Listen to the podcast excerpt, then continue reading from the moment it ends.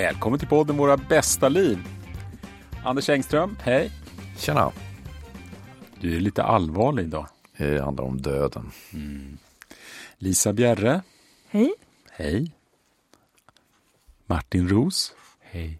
Och jag som pratar heter Urban Lindstedt.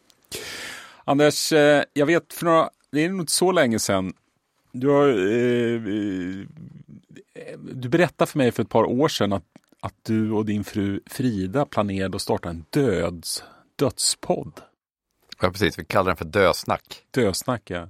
Och du var väldigt entusiastisk, kommer jag ihåg, när du berättade om det här. Jag tyckte väl att det lät som en bra idé, men eh, det ble, har inte blivit någon ja, det blev... dödssnack än. Eller? Nej, men det blir idag. Ja, vad härligt. Äntligen. Ja. Nu kan vi komprimera alla de här 150 avsnitten till ett avsnitt om döden.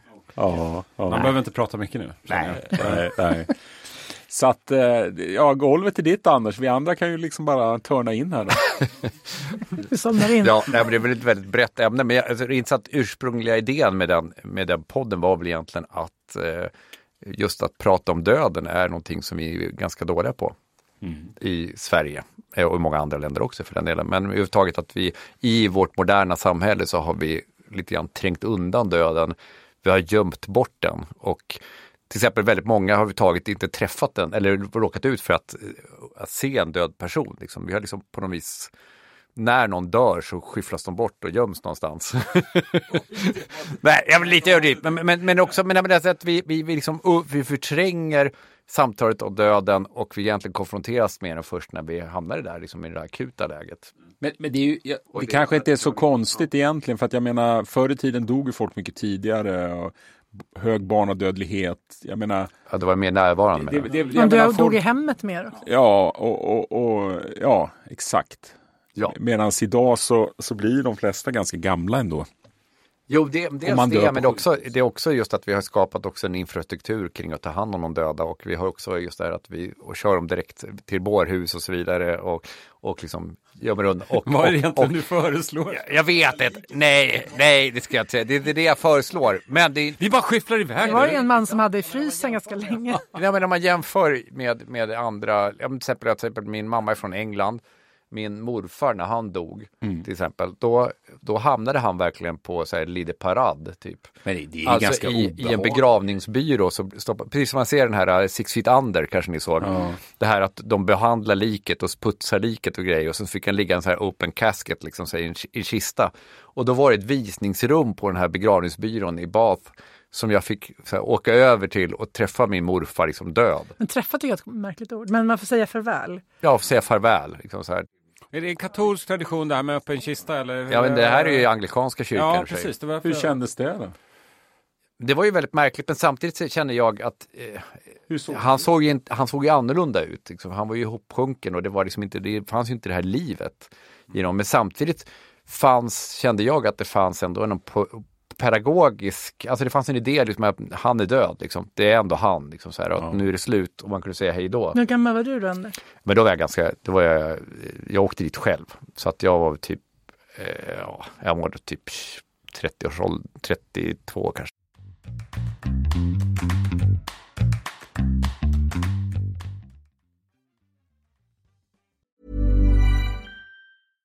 This is Paige, the co-host of Giggly Squad, and I want to tell you about a company that I've been loving, Olive and June. Olive and June gives you everything that you need for a salon quality manicure in one box. And if you break it down, it really comes out to $2 a manicure, which is absolutely insane. It's also so easy to get salon worthy nails at home with Olive and June. The difference between how your nails used to look when you did them yourself and now with the Manny system is a complete game changer. The best thing about Olive and June too is it's a quick dry, dries in about one minute, lasts for five days, and full coverage in up to one to two coats. Visit oliveandjune.com slash perfect Manny 20 for 20% off your first system. That's oliveandjune.com slash perfect Manny 20 for 20% off your first system.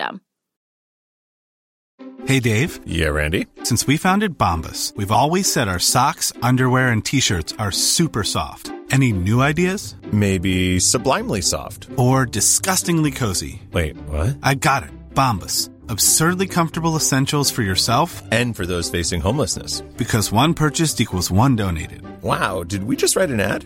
Yes. Bombas. Big comfort for everyone. Go to bombas.com slash ACAST and use code ACAST for 20% off your first purchase. Planning for your next trip? Elevate your travel style with Quince. Quince has all the jet setting essentials you'll want for your next getaway, like European linen, premium luggage options, buttery soft Italian leather bags, and so much more. And is all priced at 50 to 80% less than similar brands. Plus, Quince only works with factories that use safe and ethical manufacturing practices. Pack your bags with high-quality essentials you'll be wearing for vacations to come with Quince. Go to quince.com slash pack for free shipping and 365-day returns.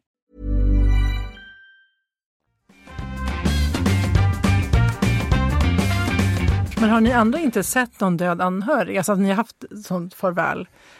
Nej, jag har, nej, jag har aldrig För sett. det är ändå det vanliga skulle jag säga. Alltså att, inte det här med att man att alla får komma men att man får möjlighet att ta avsked i, som i, via begravningsbyrån eller sjukhus. Ja, det brukar vara så. När, när, min, när min pappa gick bort för några år sedan, då var, jag träffade honom strax innan, men då levde han fortfarande, men min bror såg honom efter att han hade dött. Och han blev ganska, inte traumatiserad, men han ångrar det. Gjorde han starkt. det? Ja, det, liksom, jag tog rätt starkt intryck av det. Därför att det går ju fort liksom, från liksom, när livet försvinner ur kroppen och man förändras väldigt mycket. Det händer mycket.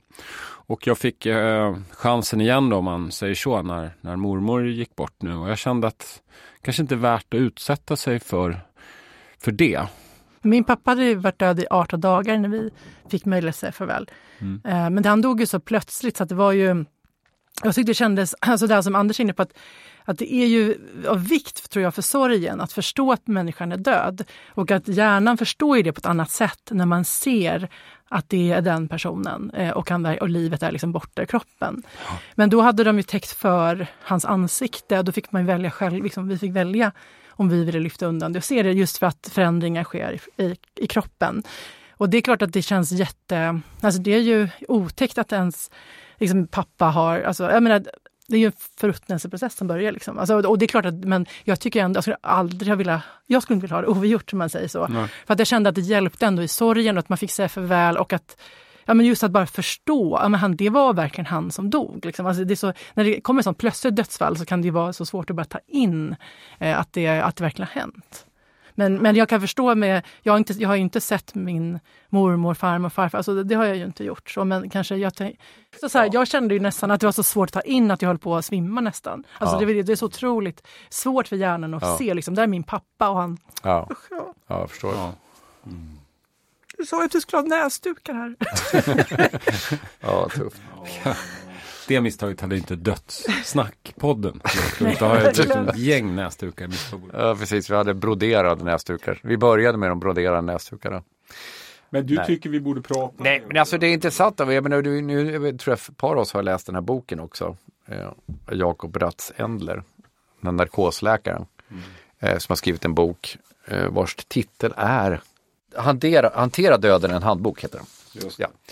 Eh, och det är egentligen, jag menar, han, hans utgångspunkt är väl just det här att eh, om man jobbar i vården så klart man får kon- helt annan kontakt med döden. Och han som, som, som narkosläkare eh, är man ju ganska ofta i liksom den situationen om man också kanske får vara med och, och dödsförklara folk också.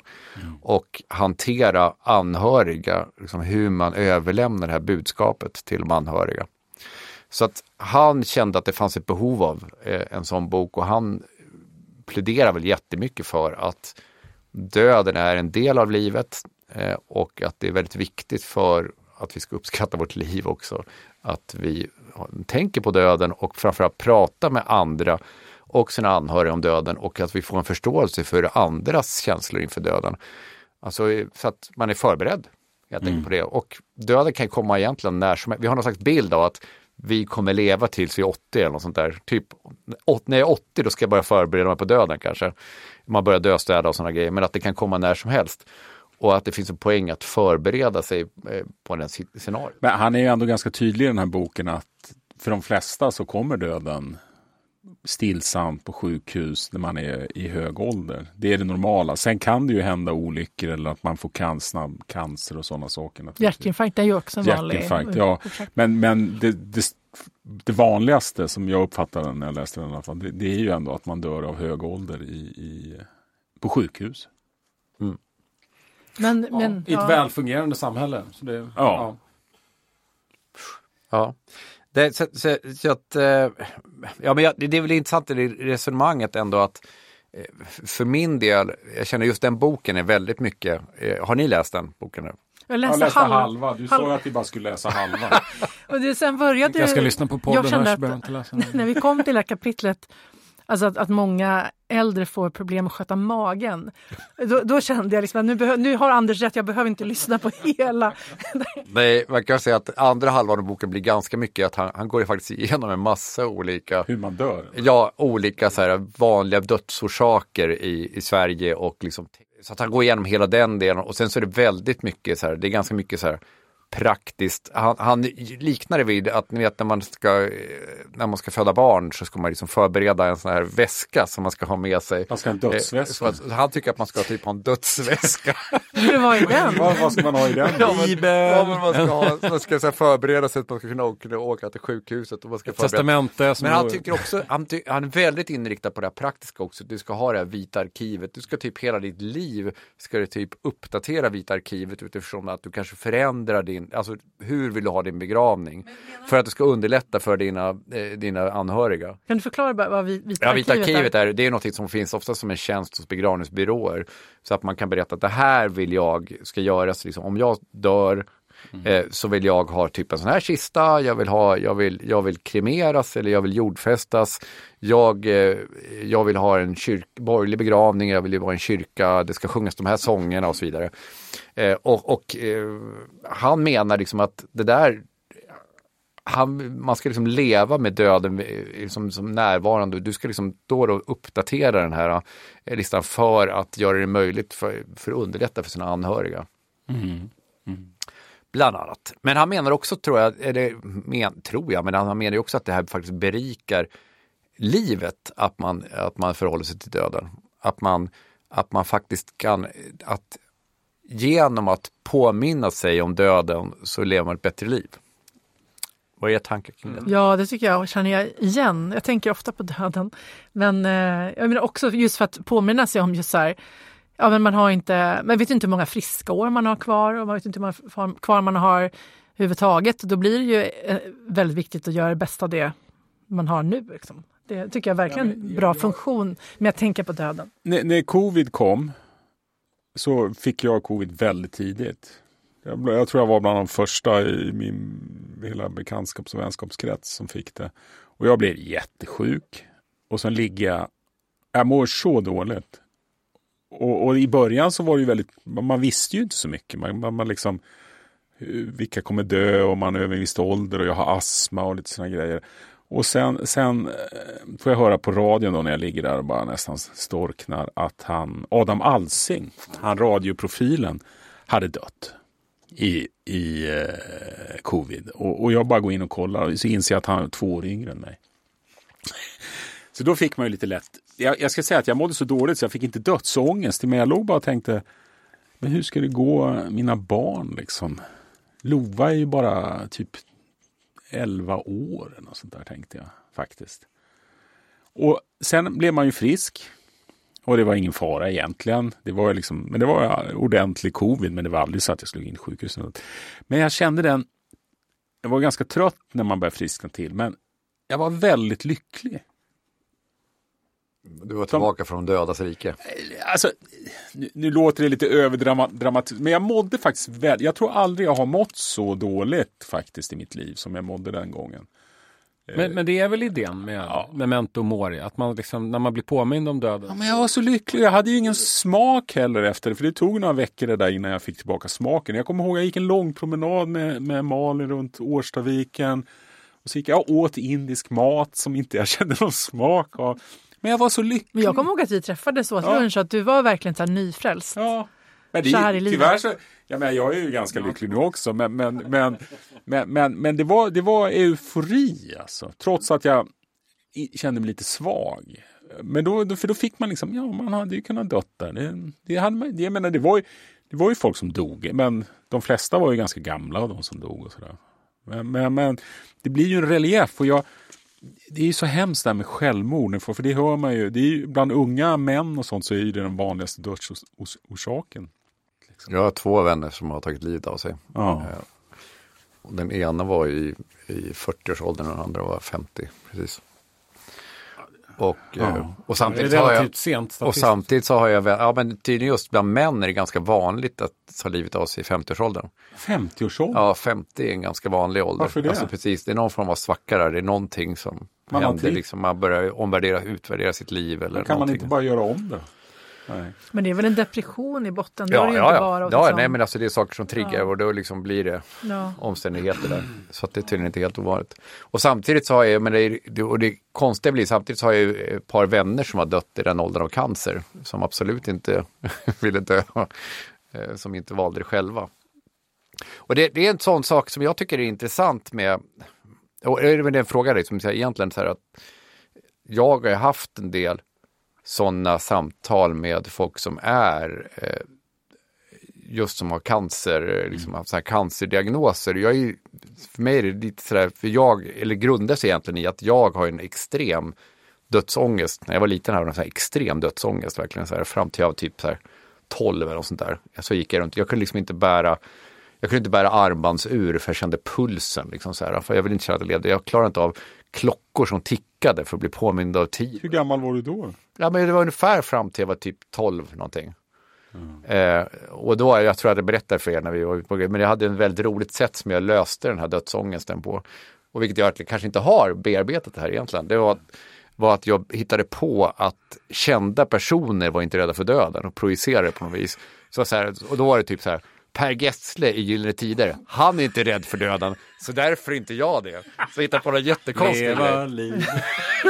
Vilken kreativitet det Ja, det var Ja. lite så här kreativt. Så att jag, var kreativ jag, som och jag vet 12-åring. inte, om jag, jag, jag kanske var 11 år eller något sånt.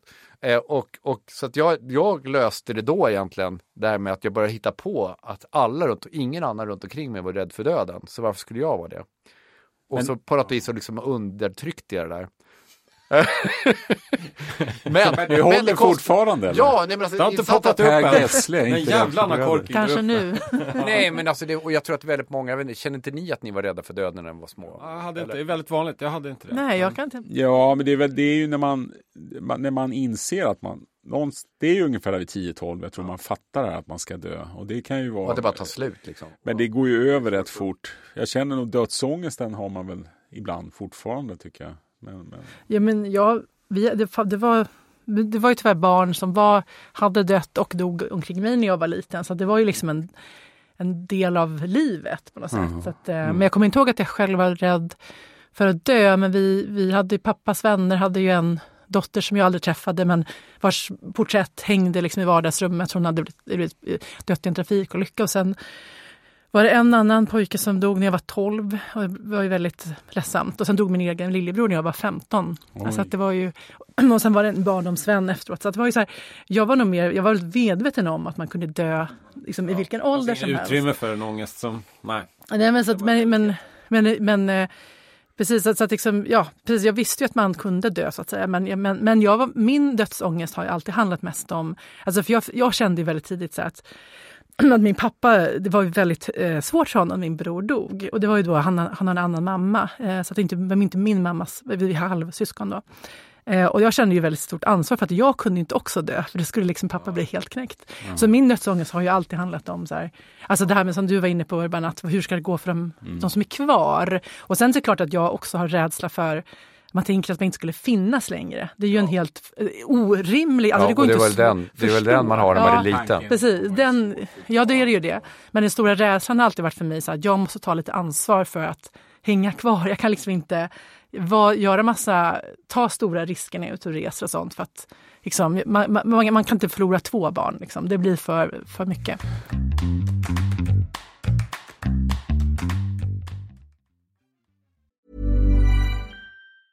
I'm Sandra, and I'm just the professional your small business was looking for. But you didn't hire me because you didn't use LinkedIn jobs. LinkedIn has professionals you can't find anywhere else, including those who aren't actively looking for a new job but might be open to the perfect role, like me. In a given month, over 70% of LinkedIn users don't visit other leading job sites. So if you're not looking on LinkedIn, you'll miss out on great candidates like Sandra. Start hiring professionals like a professional. Post your free job on linkedin.com/people slash people today. Burrow's furniture is built for the way you live.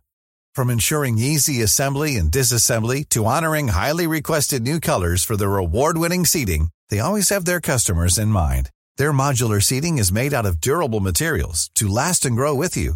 And with Burrow, you always get fast, free shipping. Get up to 60% off during Burrow's Memorial Day sale at burrow.com slash ACAST. That's burrow.com slash ACAST. burrow.com slash ACAST. Everyone knows therapy is great for solving problems, but getting therapy has its own problems too, like finding the right therapist, fitting into their schedule, and of course, the cost. Well, BetterHelp can solve those problems. It's totally online and built around your schedule. It's surprisingly affordable too. Connect with a credentialed therapist by phone, video, or online chat, all from the comfort of your home. Visit betterhelp.com to learn more and save 10% on your first month. That's BetterHelp, H E L P.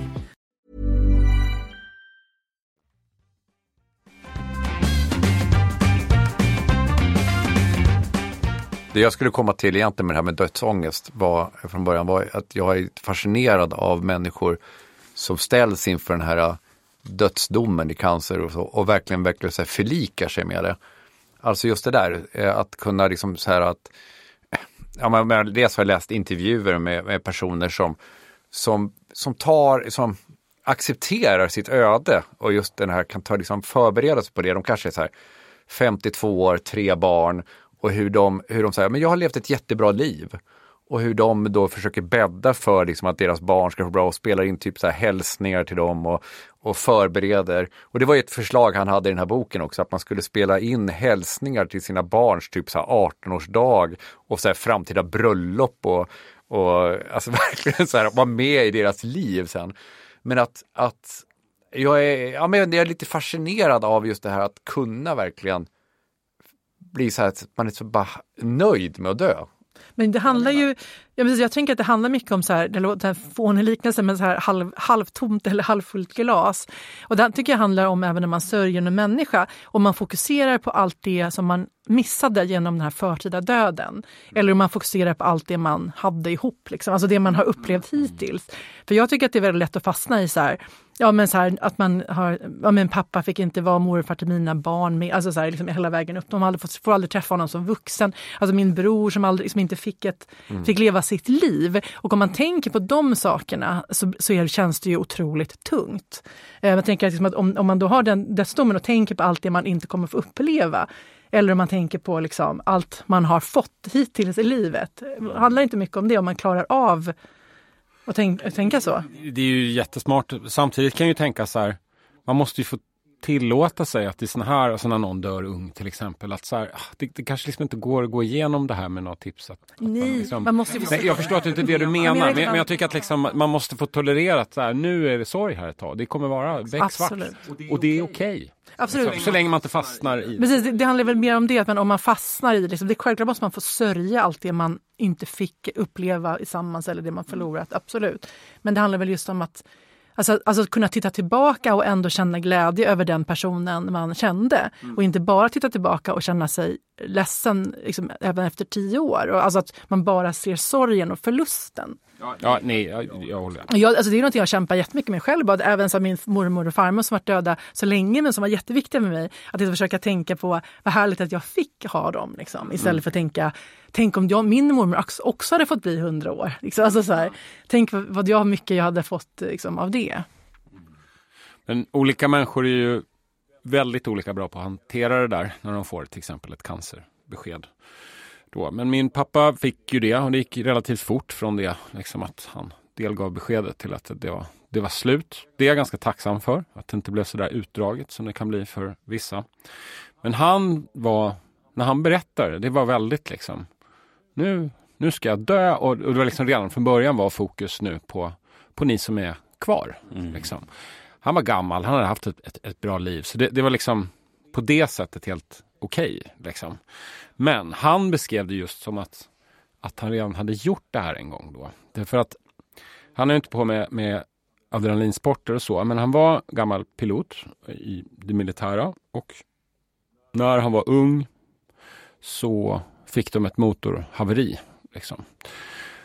Och det fanns inget flygfält i närheten. Och då är det liksom, man har ju massa rutiner och militärer de har, liksom, de har ju alltid döden runt hörnet liksom, och är förberedda. Och som han beskrev det då att man, det är liksom lite ett protokoll man följer när det är kört. För det här var ju, det är ju som propellertiden. Liksom. Och det, är, det finns inga fallskärmar eller sådär. Utan det är att bland annat man tömmer bränsletankarna så att ingen ska dö på marken liksom, där planet sen kraschar. Och så bara gör man det. Och de kraschlandar på en kyrkogård. Och ingen dör, alla klarar sig. Ingen fick några bestående skador heller. Så, så han hade liksom redan, som han, ja, som han upplevde det själv, att han har ju redan fått massa snuvat extra, döden. han har extra år. Ja, li lite så. Och då ska man också veta att så här, på den tiden, det här är ju väl dokumenterat, Sveriges piloter de hade liksom högsta dödligheten i världen. Det dog fler i fred än vad som dog i USA i krig och sådär. För att de hade väldigt mycket en, en, ja, man tog mycket risker. Man flög som om det var krig hela tiden under kraftledningar och sånt där. Han gjorde ju inte det själv, men han var ju ändå i en miljö där folk hela tiden dog. Liksom. Ja, men man, sen visst, visst, de visste ju det. Jaktpiloterna visste ju om och Sverige blir anfallet så kommer i princip alla dö.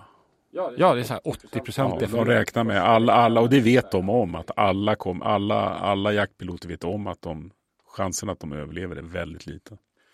Men jag, jag tror som han beskrev det, och det var väl liksom så hans story, men har, liksom, har man en gång varit beredd och nu ska jag dö, nu ska jag bara se till att inte några mer människor dör och så får man liksom ändå, nej, du får en chans till. Då är det lättare att ta det nästa gång det händer. Är, är det här, är det någonting ni pratar om? Med era, har ni pratat med era anhöriga om deras död eller eran död?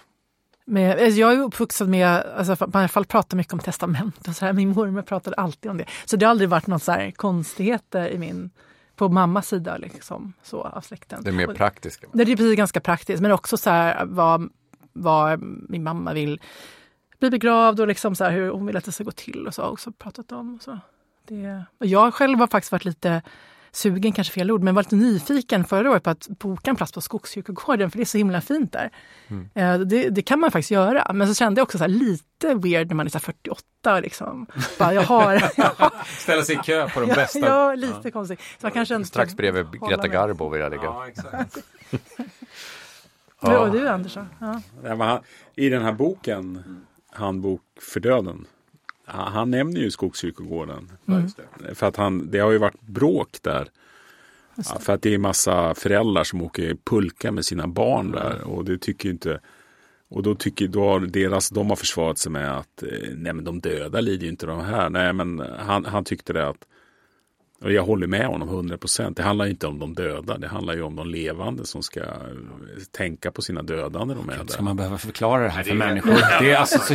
Ja, och, och, och, jag, och jag känner, är inte det där äh, den moderna egoismen Ja, det är helt... I, i sitt, att man ens överhuvudtaget, okej om man går in dit och gör det omedvetet och sen in, kommer folk se till men så här kan ni inte göra. Ja, det är en sak, Ja, men att försvara det här. Ja, men nu, nu har de ju till och med satt upp skyltar. De, får, de kan inte förbjuda det för då måste man göra någon, eh, ta något politiskt beslut eller någonting. Utan, utan de har satt upp skyltar, de avråder för, liksom, eh, f- f- från att göra detta. Och folk gör det ändå. Folk Ja, åker de, ändå. de har till och med ordningsvakter då. Men de kan inte avvisa dem. Men de kommer och påminner om att inte massa s- människor tar illa upp här. Ja, det är helt men bisarrt. När jag dör, då ska folk åka pulka på min grav. Okej, men du har liksom inte förstått någonting. Du kan väl bygga en stor pulkabacke för att ja, varsågod och gör det då. bygger en Men, grav. men, men handlar inte det, det här ett beteende från att vi är så långt ifrån döden? För, för hade man haft, hade man levt lite närmare döden så hade man kanske känt större respekt för de döda än vad de här människorna gör. Ja, men nu ska vi, de här idioterna, för det är idioter vi pratar om, men det är som en kontraspaning då, om vi pratar om Skogskyrkogården, men det här är ett fenomen i hela Sverige. Det är ju liksom hur eh, fenomenet halloween har, har ju, eh, inte försvunnit, men det har ju liksom... Eh, Eh, Tvärtom menar du? Tvärtom är det väl? Allhelgona-afton är ju det som har försvunnit. Halloween har tagit över. Nej, det är Nej. tvärtom. Jag menar precis det. Okej. Halloween kom och gick. Allhelgona är gigantisk helg. Jag tror inte det bara har är blivit till i stort. trafikstockning vid, eh, vid Ja, men det har det ju alltid varit. Nej, det har det inte alltid varit. Det här är ett fenomen sedan några år tillbaka att det har exploderat i Alltså popularitet. att, att folk ska tända ljus. Exakt, man tar med väldigt- sig familjen, barnen skriver brev till döda släktingar. Det, det, växt, de, liksom, det blir större och större för varje år. De har svårt att hantera trafiken och nu är det liksom, Mhm. de säljer korv utanför bara för att hålla liksom. Men det är jättefint. Man Mm. går dit, det är proppfullt med folk. Det är, alla tar med sig barnen.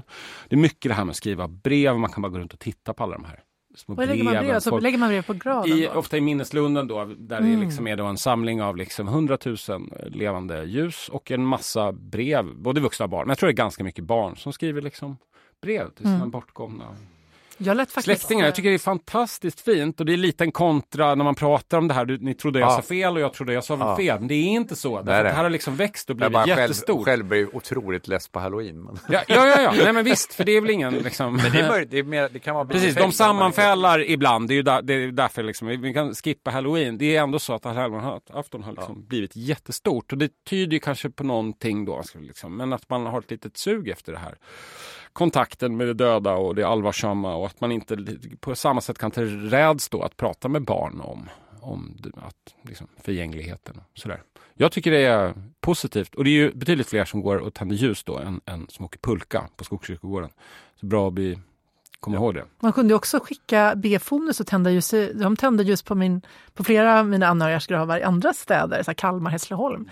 Så alltså, det var jättefint. Men eh, det är att jag var ju på en, i, för ett år sedan nu så var jag på en väns begravning. Han hade ju verkligen så här arrangerat hela och då hade han en, en sån här jordfästning som jag aldrig varit med om i Sverige förut. Just det här med att man verkligen liksom går med kistan liksom hela ut. Och sen så, Kistbegravning kallas det för. Kistbegrav, Mm. ja, jordfästning. Mm. Man sänker ner kistan i jorden. Också. Och, eh, och det var ju Ja men det var ju otroligt dramatiskt, alltså det blir en sån dramaturgi kring det också. Och samtidigt blir det väldigt påtagligt. Både min bror och min pappa är begravda på det sättet. Är det så? Ja.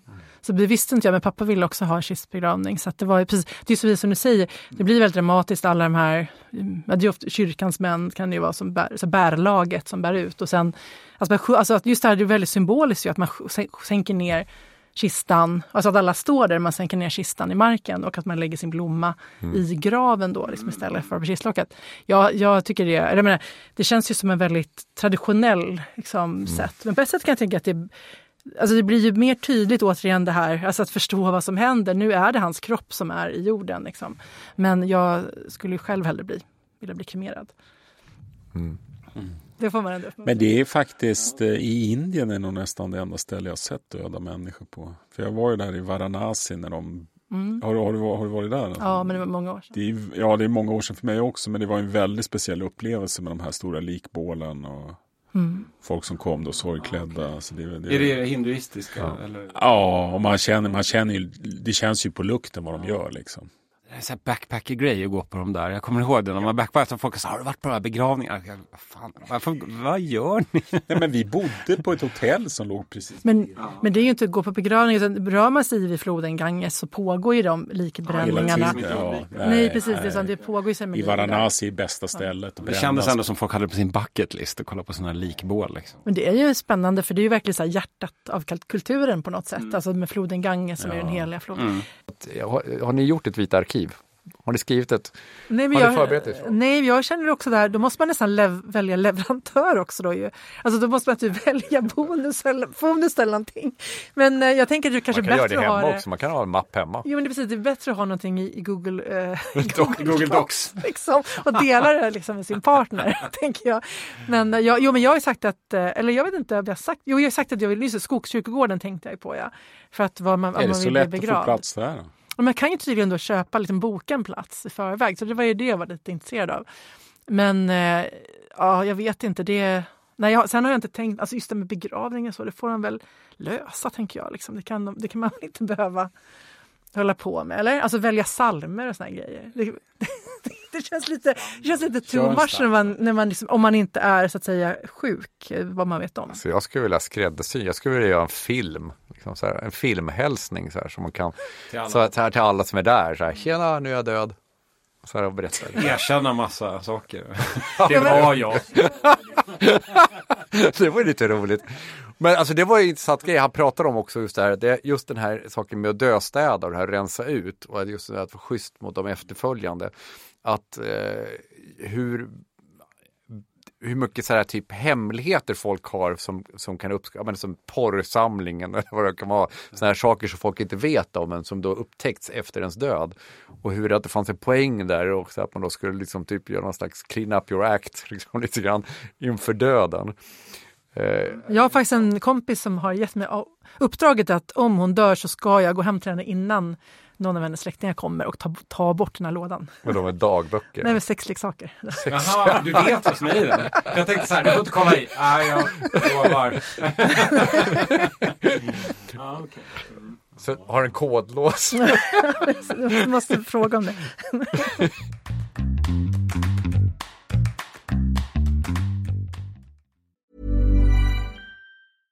Hey, it's Paige DeSorbo from Giggly Squad. High quality fashion without the price tag. Say hello to Quince.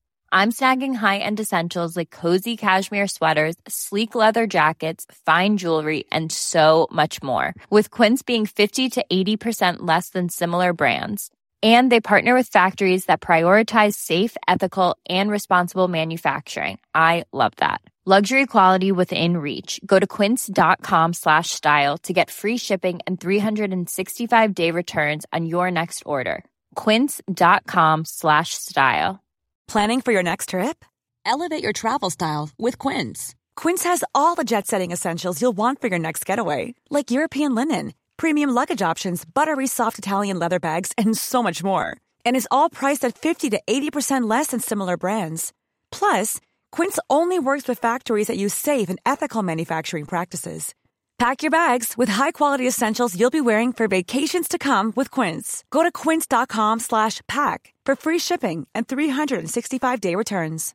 Imagine the softest sheets you've ever felt. Now imagine them getting even softer over time. That's what you'll feel with Bowl and Branch's organic cotton sheets. In a recent customer survey, 96% replied that Bowl and Branch sheets get softer with every wash. Start getting your best night's sleep in these sheets that get softer and softer for years to come. Try their sheets with a 30-night guarantee. Plus, get 15% off your first order at bowlandbranch.com. Code BUTTERY. Exclusions apply. See site for details.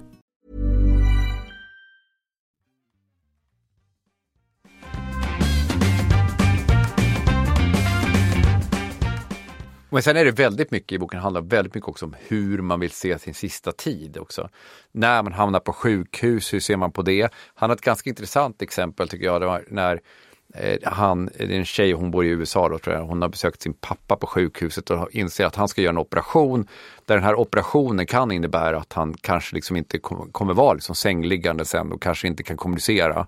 Eh, det kan bli fel liksom, i den här operationen. Det var liksom någon sån, sån riskdel. Och när han var på väg därifrån och åker från, den här, eh, från det här sjukhuset så insåg han på vägen, eh, vägen hem, när hon nästan har kommit hem, att om han hamnar i den här situationen så kommer ju hon få ta de här besluten. Vet jag verkligen vad pappan vill? Liksom så här, hur, han, hur han förhåller sig till det här. Och hon hade själv en bild av att han var en så väldigt fysisk person, hade varit typ quarterback och hej och hå, och väldigt stark, stark som en björn typ. Så här, och, och ja, jobbat mycket så fysiskt. Att han skulle liksom inte stå ut med att vara ett collie, liksom, så här, att han skulle inte stå ut med liksom, att han skulle inte klara av det.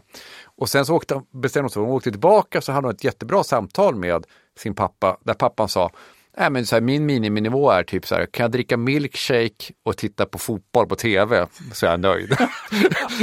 Ungefär. Och hon bara, åh vad skönt. Så här, hon trodde ja, det var liksom, precis vad jag hade tänkt. Ja, för att hon hade, ju, hon hade ju tänkt så här, att han skulle inte stå ut med att ligga i en säng. Liksom bara. Det, det var hennes bild. Och rycker kontakt. Och får liksom det här, så att det, han, just det, det är intressant, det kanske framförallt är om man har liksom då eh, Eh, prata med sina äldre föräldrar och sådana grejer. Hur de hamnar i en sån situation, hur ser de det? Jag menar, så min mamma till exempel, hon har, ju, hon har ju gett den här jättejobbiga uppgiften till mig och min syster att hon vill ju verkligen att vi ska ta livet av henne om hon hamnar på liksom, någon sån här långvård eller någonting.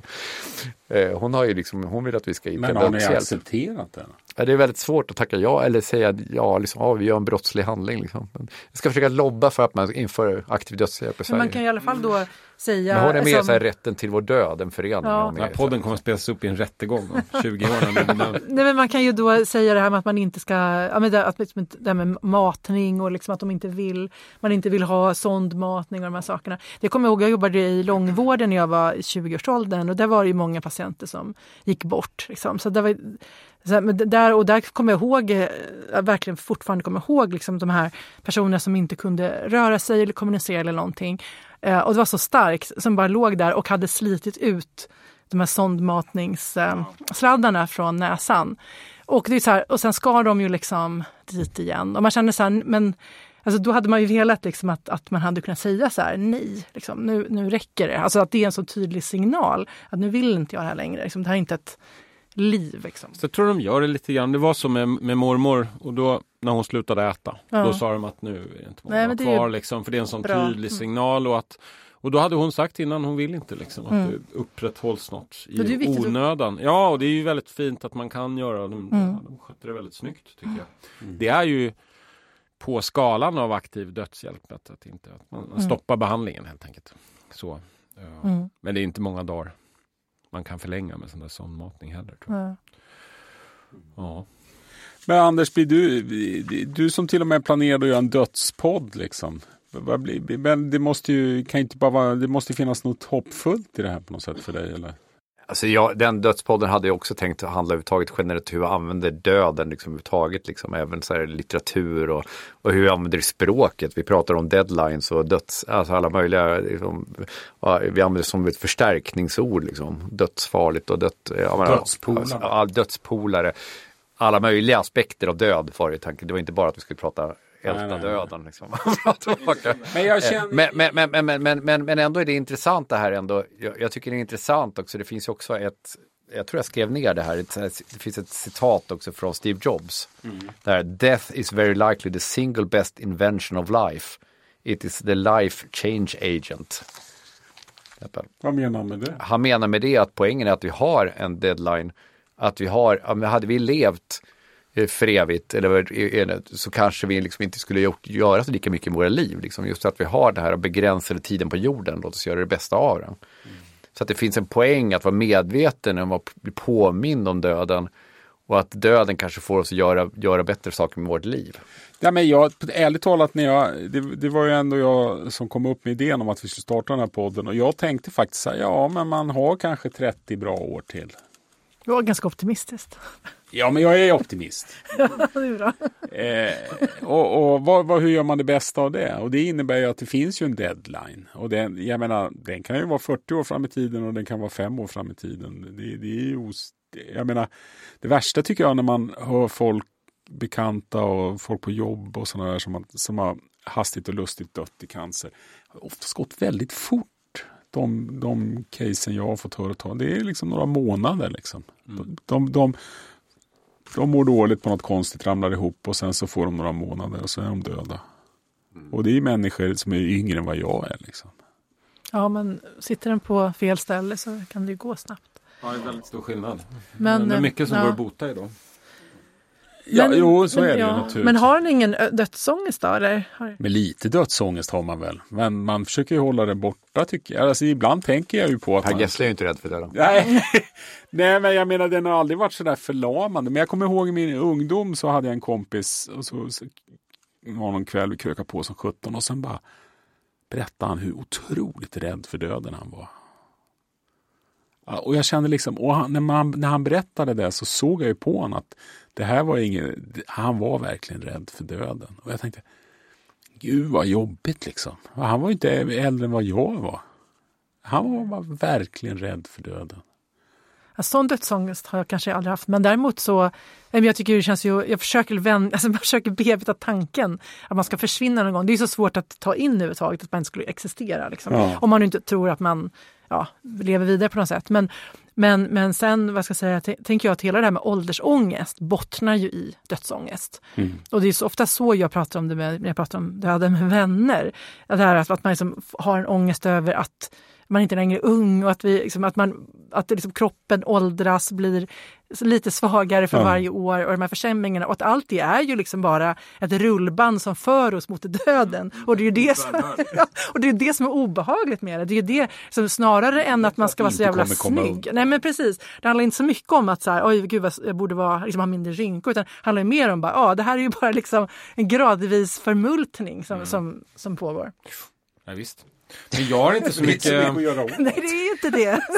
Nej, nej, det är nog bra omfamnare så att säga. Men jag har ingen, för, för, eller ingen, men väldigt lite för egen del. Däremot för min dotter. Är ju. Hon är inte det. Så jag minns för när hon var mindre. Man skulle kolla andningen hela tiden. Så- Ja, jag är jätterädd för att Ja, men det är liksom, jag, jag kan få ångest bara ibland när jag tänker på det. Att, att något skulle hända henne. Alltså det är ju, jag har ju mycket svårare att tänka de tankarna än att jag själv skulle bli överkörd av en buss plötsligt. Det är Men det, ja, det, det är ju en sån där väldigt något konkret hände. rädsla. Det, Ja. det är ju bara, ja, då är det Nej, lite jag tror- över liksom. och jag typ. tror alltså, också- det, ja. ja. Just det här om man skulle få cancer själv så skulle det snarare vara ju som fokus ligga på barnen. Ja. Alltså de efterlevande. Man tar Jag ju tror hellre en cancertumör Om man är, förälder, om man är förälder Ja. så blir det nog att man inte tänker lika mycket som sin död som de efterlevande. Och kanske egoistiskt också att man själv inte kommer få uppleva deras uppväxt. eh, Den, Mm. den delen. Det blir väl kanske liksom det. Inte den mest egoistiska tanken i och för sig då. Men, Nej, men men jag förstår du menar. Ja. För egen del. Eller ja. Men, men jag menar om man nu ska inspireras av döden så handlar det väl, det handlar väl, jag tycker i slutändan handlar någonstans är det ju att acceptera den och att göra det bästa av de, den tiden man har. Det, det, det, det, jag, kan, jag, jag kan inte se att man kan hantera det på något annat sätt. Nej, men det är det enda man kan göra. Jag menar, ja. Alltså det, det, precis, det går ju inte. Man kan ju förtränga sin dödlighet också. Jo, det är väl det- det, du säger att man inte ska göra metod. då. Det är också en metod. För det gör nog väldigt många ändå. Det kanske, är- det kanske är bättre. Jag vet inte. Nej, jag ska inte dö. Nej, men jag, jag lyssnade på en på söndagsintervju med Sven-Erik Eriksson häromdagen. Ja. Eh, som ju har fått en, en allvarlig ja, Svennis, som har fått en allvarlig cancerdiagnos eh, som en obotlig cancer. Men han var ju ändå ganska mycket så här, Eh, ja men typ, men det tänker jag inte på. Alltså så här, jag lever, liksom lever i dagen mer och går inte runt och tänker så mycket på det, att jag ska dö. Och sen är det klart att det säkert som präglar honom att det, han har fått beskedet. Men jag tänker även om man liksom vet att man har en har en, vad ska jag säga, ja, men att, att jag kommer dö inom närtid i alla fall, eller liksom så, så, så kan man ju kanske ha ganska bra liv utan att gå omkring och tänka på det. Jag vet inte om det, om det är en fördel att tänka mycket på döden eller om det är tvärtom, att man då bara går omkring och är halvdeppig liksom hela livet. Eller om det blir en drivkraft att, att man maximerar sin, eh, ja, upp, sina upplevelser. Men, men jag tänker just att nu lever man ändå, man, har ju, man lever ju på något vis så skapar man ju den här bilden av att man kommer leva 30 år till. Liksom, någonstans. Ja, men liksom. man kan ju inte Och- göra något. Nej, men, men det är intressant, men samtidigt då att sätta sig in i, i situationer för mina föräldrar till exempel och Fridas föräldrar som, som nu är i zonen. Mer att säga att nu är det kanske, de är liksom så här 10, 5, 10, 20, 1, 5, 10, 20 Det är en sån konstig år. grej. Mm. Den grejen när man hamnar där sen, liksom, när man har kommit dit, hur kommer man känna då? Då Eller man hoppas man, 90. man hoppas nästan lite grann som min farmor var, så här, hon blev 93, min morfar blev 93, min eh, mormor blev, alltså nästan alla blev så, min Ja, var farfar blev 86. förutsättningar. Men att min farmor var snarare kändes lite grann så att de sista åren i livet som var mer så här, trött på livet. Liksom. Det var så här, det var ganska så här, Det var klart. Ja men det var liksom klart liksom. Det var liksom så här så. Och samtidigt så kommer jag ihåg, jag kommer inte ihåg vad hon hette, men det var nog så en av så Sveriges äldsta riksdagsman, det var en kvinna, så, riksdagskvinna som var, jag kommer inte ihåg, hon var över 80. Som var så här extrem, hon var så här när, tidig på internet och var så här hungrig på livet. Jag kommer inte ihåg vad hon heter nu, men jag minns någon så här intervju med henne. Hon var en sån här som bara sög åt sig allting nytt, liksom bara upptäckte saker. Hon hade sån aptit på livet. Och där känner man liksom så här, fan, ska man, är man sån fortfarande då, när man är gammal, eh, och när man hamnar i den här zonen, då kommer man då kommer man ångest. Jag tror Jag inte tror man, du kommer vara sån när du är så gammal. Tror ni inte det? Att Anders kommer vara så här. "Åh." Per Gessle är ju död nu. Ja, Ja, fan. Jävlar. När Per Gessle dör, dör, då kommer allt bara rämna för mig. Hela mitt system. inget kvar att leva för Jag kommer längre. inte jag tror inte man behöver ha ångest då. Jag tror att man bara kan leva på och göra jäkla massa kul grejer och inte sitta och tänka på ja det kanske är fem år kvar utan jag tror man liksom kommer skapa massa aktiviteter då för då känner man ju också så här hur många pigga år har jag kvar? Nu tittar jag på, på min mamma, hon gör ju skitmycket grejer och det är också för att hon, hon man kan inte, vet inte hur många år kvar man orkar resa till Paris eller göra det ena eller det andra, liksom gå på museer och allt det här. Så att hon gör ju massor roliga grejer. Och jag är själv förväntad, som min pappa nu dog i en hjärtinfarkt i 75, så jag för, det förändrar också min livsförväntan så att säga. Jag tänker inte så att jag kanske blir 90, jag kanske kommer dö av en hjärtinfarkt när jag är 80 då, i alla fall. Liksom. Jag, tänker att man får, jag tänker så här, fram till 75 kan man räkna med att orka göra grejer förhoppningsvis. Men jag tänker liksom att man, man, liksom, man kan inte... Att man ändå, det är bra tror jag att ha en liten deadline där borta. Mm. Ska vi sluta på det? Ja. Mm. Ja, jag sitter på klockan. Vi har ju en annan deadline här. Ja, men bra hörni. Eh, inte lika glatt som vanligt, men kanske nog så viktigt. Tack för idag. Hej då. Hej då.